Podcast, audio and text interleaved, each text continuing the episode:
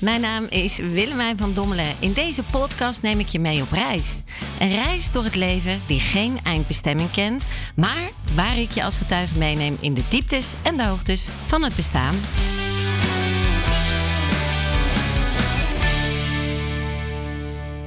Hallo, nou topper, lieve jij, lieve jij. Fijn, fijn dat je er weer bent bij de Pink Rebel podcast. En ehm, weer een spannende aflevering hè, vandaag. Familie, familie, familie, familie. Je vrienden kies je, je familie niet. Konden we dat maar kiezen. Wat als we dat zouden kunnen kiezen eigenlijk? Wat als we onze eigen familie zouden kunnen kiezen? Nou, een deel van mijn familie heb ik persoonlijk, ik spreek, spreek gewoon uit ervaring, maar heb ik wel uh, gekozen. Waarom? Een aantal van mijn vrienden heb ik persoonlijk bekroond tot familie. Ik denk daarbij natuurlijk aan Eliane, daar hebben jullie al van gehoord. Uh, Michael, Marcel, Sofietje. Volgens mij heb ik over Sofietje ook wel eens gesproken. Vavatje. Uh, Cathy, Marie, Louise, Deken. Mag het gewoon zeggen, met naam en toenaam, want het is mijn familie. Uiteraard mijn partner is mijn familie. Papatje. En uh, sinds kort zijn vrouw natuurlijk ook Betty en haar kinderen. Uh, en, en de kleinkinderen van Marcella en Haik, uh, eh, BP en Karen hun honden, aanschouw ik ook als, uh, als familie. Uh, dat, dat is de, de aanlenging van, van mijn bloedlijn in mijn familieopstelling. En als ik dan kijk ook naar hoe verrijkt ik ben, hoe ontzettend rijk dat ik ben.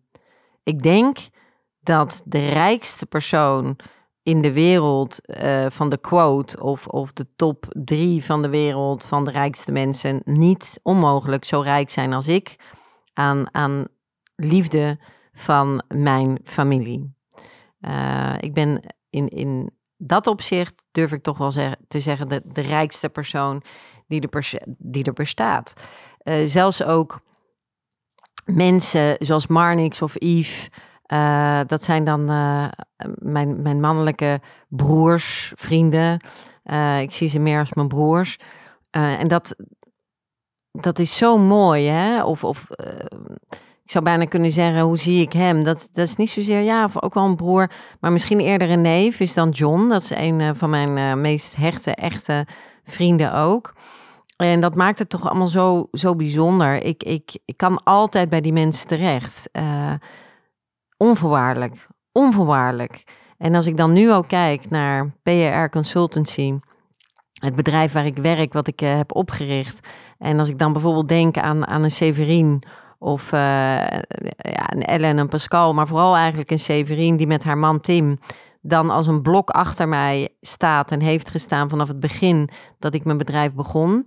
Uh, zonder vragen, zonder, um, weet je, het is Willemijn. Weet je, dat is gewoon, uh, is onvoorwaardelijk. Dit is, dit is mijn familie. Um, dat maakt het zo bijzonder, omdat die, die familie in die zin is, is ja, die, moet, die mag je koesteren. Je moet niks hè, uh, in het leven, maar ik, ik zou toch e-, ernstig adviseren om die, om die echt te koesteren in je leven. Want kijk, er zijn ook familie uh, mensen in je familie, maar ook in je vriendenkring die je aanschouwde als familie, waar je van gaat scheiden. En misschien is die scheiding tijdelijk, misschien is die uh, voorgoed. En dat is ook goed. Want jullie hebben die voorspoed met elkaar al zo gehad. En dan mag je dat ook koesteren. Dan is het goed zo. Het is goed zo. We gaan geen dingen forceren. We gaan geen. geen uh, hè, hoe moet ik het zeggen? dat kan niet. Je kunt niet gaan. Ik, je moet van mij houden omdat ik familie ben. Zo werkt het niet. En trouwens, je kan ook van mensen houden zonder uh, dat je ze ziet. Weet je, ik hou van mijn echte broers, maar ik zie ze niet meer. Um, is het een breuk voor goed? Weet ik niet. Maar het is goed zoals het is. Maar in mijn hart wonen ze nog altijd. Je hoeft ze niet altijd te zien. Mijn moeder woont niet super ver weg. Maar ja, we hebben uh, tot recentelijk uh, van vorig jaar of zo hebben wij bijna 30 jaar geen contact meer gehad. En toen weer wel. En dat is er nu wel. En dan zie je dat het onvoorwaardelijk is. Dus dat maakt dat het. Um, het is oké, weet je? Het, uh, een van mijn hartsvriendinnen, die ik zeker aanschouwde als zus. Uh, die, die, ja, er is ook een breuk. Komt dat nog goed? Dat weet ik niet. Ik weet alleen, uh, ik leef alleen in de wetenschap dat, dat het goed is zoals het nu is. En dat stilte soms krachtiger is dan woorden. En ook meer kan doen dan, dan woorden. Um, andere vriendin van mij, ik, ik, ik zal maar even zeggen, wacht hè. Um, wacht even hoor, ik moet even spontaan de naam bedenken. Linda, uh, uit Amersfoort. Die ken ik al vanaf de kleuterklas. Ja, dat is, dat is ook een zus, dat is ook familie. En daar is ook, nou niet echt een breuk, maar daar is even een, een ruimte van uh, stilte, uh, zijn werk aan het doen. En, en ook dat is dus goed. Dus alles is goed zoals het is. Renilde en Peter. Ja, Renilde is voor mij ook een zus. Ik heb, ik heb de eer gehad om hen te mogen trouwen. Die wonen nu in het buitenland. Dus die zie ik ook niet zoveel. Maar dat wil niet zeggen dat als je er voor elkaar uh, mag zijn, of als de ene behoefte heeft voor de ander, dat je ervoor, dan, dan doen we dat. Hè? Dat is no question about it. Ik bedoel, als Renilde mij theoretisch, uh, bij deze Renilde, doe maar niet, maar om drie uur s'nachts belt, huilend en, uh, en kan je alsjeblieft nu komen, dan had ik dat direct, dan zou ik dat direct doen. En ik, een andere verrijking die ik even met je wil delen zijn onze buren. Anne, Danny, Nathalie en Jeroen. Dat is, dat is dankzij COVID familie geworden. Dat was onze bubbel. En dat is gewoon super gaaf. Weet je, dit, die wonen niet alleen letterlijk en figuurlijk naast ons.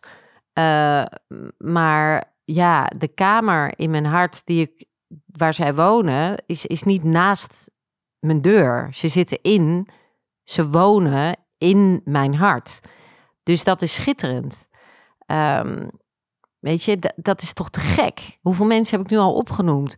En, en ik kan nog wel even doorgaan. Ellen en Ilko, zij waren ook voor mij het summum van liefde. En nu, Jacco en ik, uh, zijn evenredig uh, het liefdesequivalent van, van Ellen en Ilko. Maar wat heb ik veel van Ellen en Ilko geleerd? En wat, wat staat Ellen ook altijd onvoorwaardelijk voor mij klaar? Dat is gewoon, te, ja, ik vind dat gek, joh. Ik vind dat zo gaaf.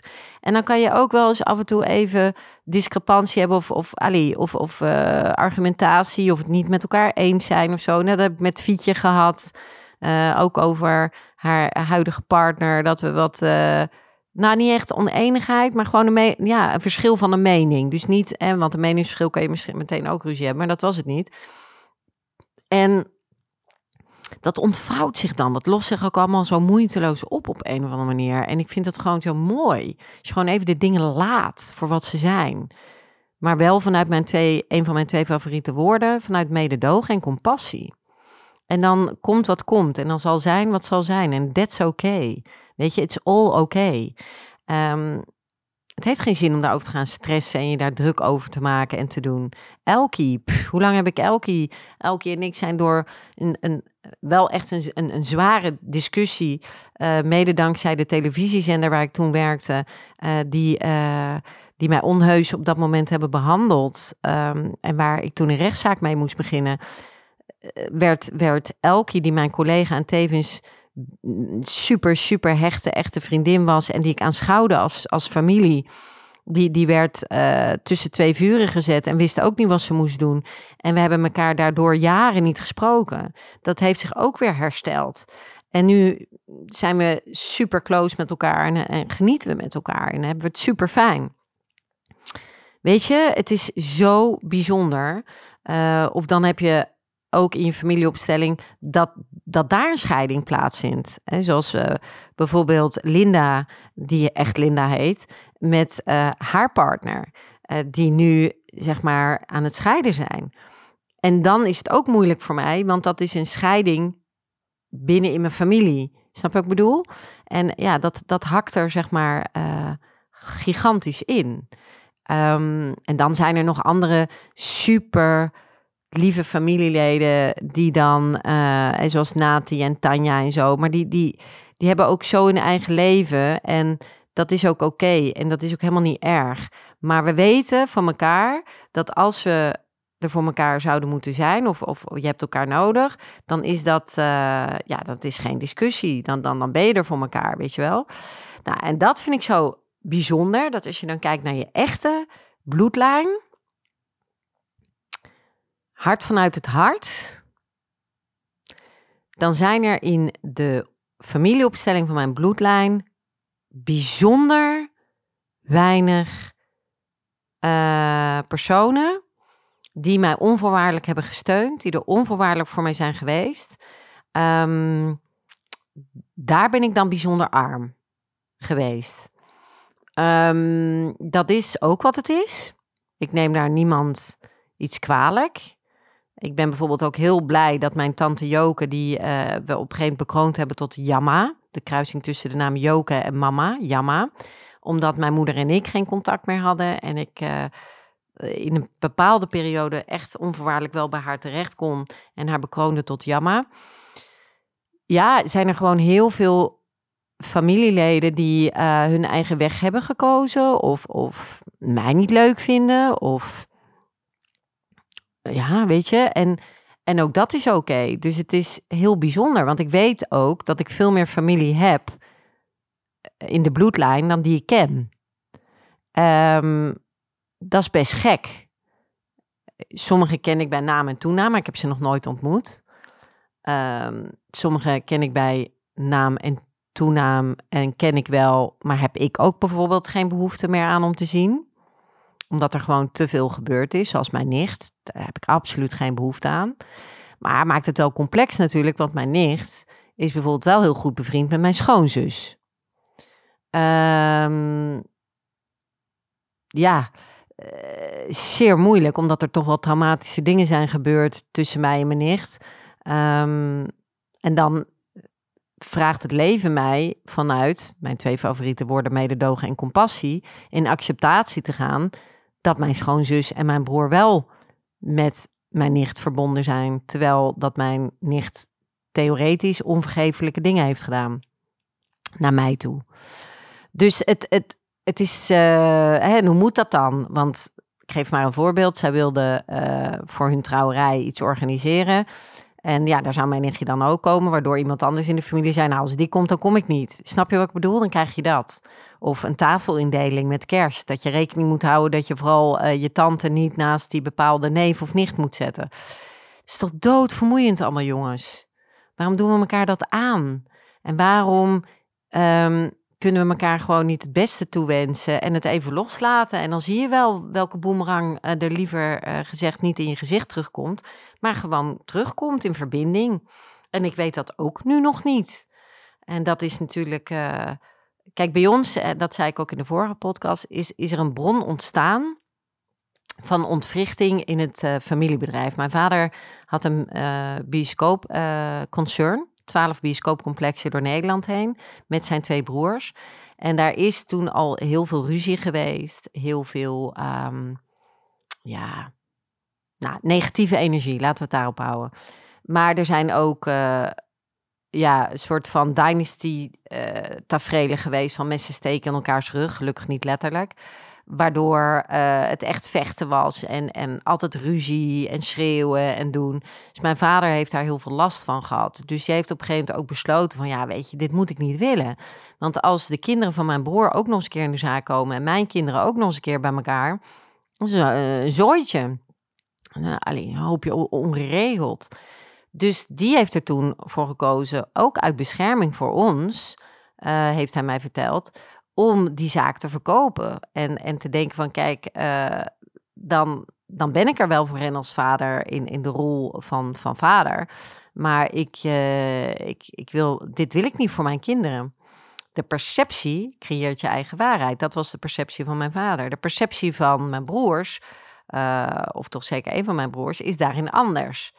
Dus ja, weet je, dat is wat het is. Ik ben heel dankbaar, want met de wetenschap die ik nu heb als grote mens, had je mij met mijn broers in de zaak gezet. Oei. Nia, nia, nia, nia. Dat was niet goed gekomen. Ik weet niet uh, wie elkaar de tent uitgeslagen had, maar ja. Nee, dat was niet goed gekomen. En um, nee, dat was echt niet goed gekomen. En ik ben ook heel dankbaar, want, want uiteindelijk hebben zij hun parcours op hun manier ingericht. Ik weet dat zij uh, op afstand ook blij zijn waar ze staan. Uh, vind ik ook fijn voor hen. Ik heb ook wel echt respect voor waar ze staan in hun leven. Um, mijn broers hebben hard moeten knokken, ook met hun traumasporen. Dat hebben ze ook op hun manier gedaan. Ik ben ook trots waar ik sta. Uh, ik ben heel blij met mijn bedrijf. En dat was er nooit geweest als ik in de familie, uh, in het familieconcern was gestapt. Dus alles is goed zoals het is. En misschien niet zoals je zou wensen dat het zou zijn. Dat is wat anders. Maar alles is goed zoals het is. En als jij wenst dat het anders is in jouw familie, dan is de vraag, zoals elke keer, wat wil je dan dat er anders is? Wie heb je daarvoor nodig en wat kan jij daar een ownership aan doen om, om die verandering te maken? Heb je vergeving nodig? Heb je een gesprek nodig? Um, heb je um, rust nodig? Heb je afstand nodig? Ik denk dat het belangrijk is dat je aangeeft wat je nodig hebt. En ik durf eerlijk te zeggen dat de rust die ik nu ervaar, en ik ben quasi zeker dat zij die ook ervaren, uh, tussen de verschillende familieleden met wie er nu een, uh, een, pauze is of een breuk is, een scheiding is. Het is echt goed zoals het is. En ik hou van ze allemaal. En ik hou ook van mijn nicht. Um, maar het is zo ontwricht dat ik ook zoiets heb van. Uh, dit, dit, wat ik nu ga zeggen, is ook een beetje hard vanuit het hart. Hè? Maar wat, breng, wat brengt jouw rol mij en wat brengt mijn rol jou? Welke toegevoegde waarde kunnen wij betekenen in elkaars leven? Als die uh, er niet is, zoals ik die persoonlijk voel met mijn nicht, of als je zoiets hebt van in het nu voel ik niet dat wij voor elkaar een toegevoegde waarde kunnen zijn, omdat jouw verwachtingen niet overeenkomen met hoe ik naar de wereld kijk of naar mezelf kijk en naar jou kijk, ja, dan zien we letterlijk de zaken anders. En dan is die afstand prima. Weet je, dat, allee, dat is gewoon wat het is. En wat de toekomst brengt, zal de toekomst brengen. Uh, maar het is, het is echt oké zoals het is. Dus in die wetenschap uh, ja, is, het, is het wel essentieel om naar jezelf eens te kijken en naar jouw familieopstelling. En daar ben ik heel benieuwd naar. Hou er ook in rekening mee dat we allemaal vanuit de bron ontstaan zijn vanuit liefde. Jouw ouders, of je er nu een fijne relatie mee hebt of niet, of je ze nu nog ziet of niet. Maar jij, sorry, was er niet geweest als zij vanuit de bron van liefde jou niet hadden geproduceerd, om het even plat te zeggen. Kijk, uh, iedereen, jij, ik, de andere luisteraars. We zijn allemaal gemaakt door twee mensen die elkaar lief hebben gehad, of nog steeds hebben. En daar zijn wij uh, het gevolg van. Dus kijk, het is super belangrijk dat je wel dankbaarheid mag blijven uitstralen um, naar, naar je ouders, naar je familie. Maar dat mag best op jouw manier. Kijk, als ik nu naar mijn moeder kijk, dan zie ik misschien niet hetzelfde wat jij ziet naar je moeder, omdat jij misschien al heel je leven een super relatie hebt. Maar ik kijk liefdevol naar mijn moeder op mijn manier. En, en ik hou van mijn moeder op uh, de manier zoals hij voor mij ook goed voelt. En ik ben haar ontzettend dankbaar, want zonder haar zat ik hier niet. Dus maar moet het daarom mijn beste vriendin zijn en moet ik daarom um, uh, me forceren om, om te zorgen dat wij uh, kunnen gaan shoppen en, en daarvoor denk ik dat de tijd die mijn moeder heeft, die ik heb, te kostbaar is. En, en dat het belangrijk is dat je de tijd uh, indeelt met de mensen waar je energetisch een, een toegevoegde waarde voelt naar verrijking en verblijding. En dat wil niet zeggen met alle duidelijkheid dat ik uh, het niet voel dat mijn moeder een toegevoegde waarde heeft. De toegevoegde waarde heeft ze al lang bewezen, want anders nogmaals zat ik hier niet. Maar ik gun het wel dat mijn moeder ook gewoon een fijn leven heeft. En dat heeft ze al jaren. En dan moeten we niet uh, ineens eh, willen duwen en forceren om ineens uh, de moeder-dochterrol te gaan. allee, te gaan fabriceren tot iets omdat de maatschappij eh, een kader, een frame heeft van de realiteit zien zoals dat beheurt te zijn.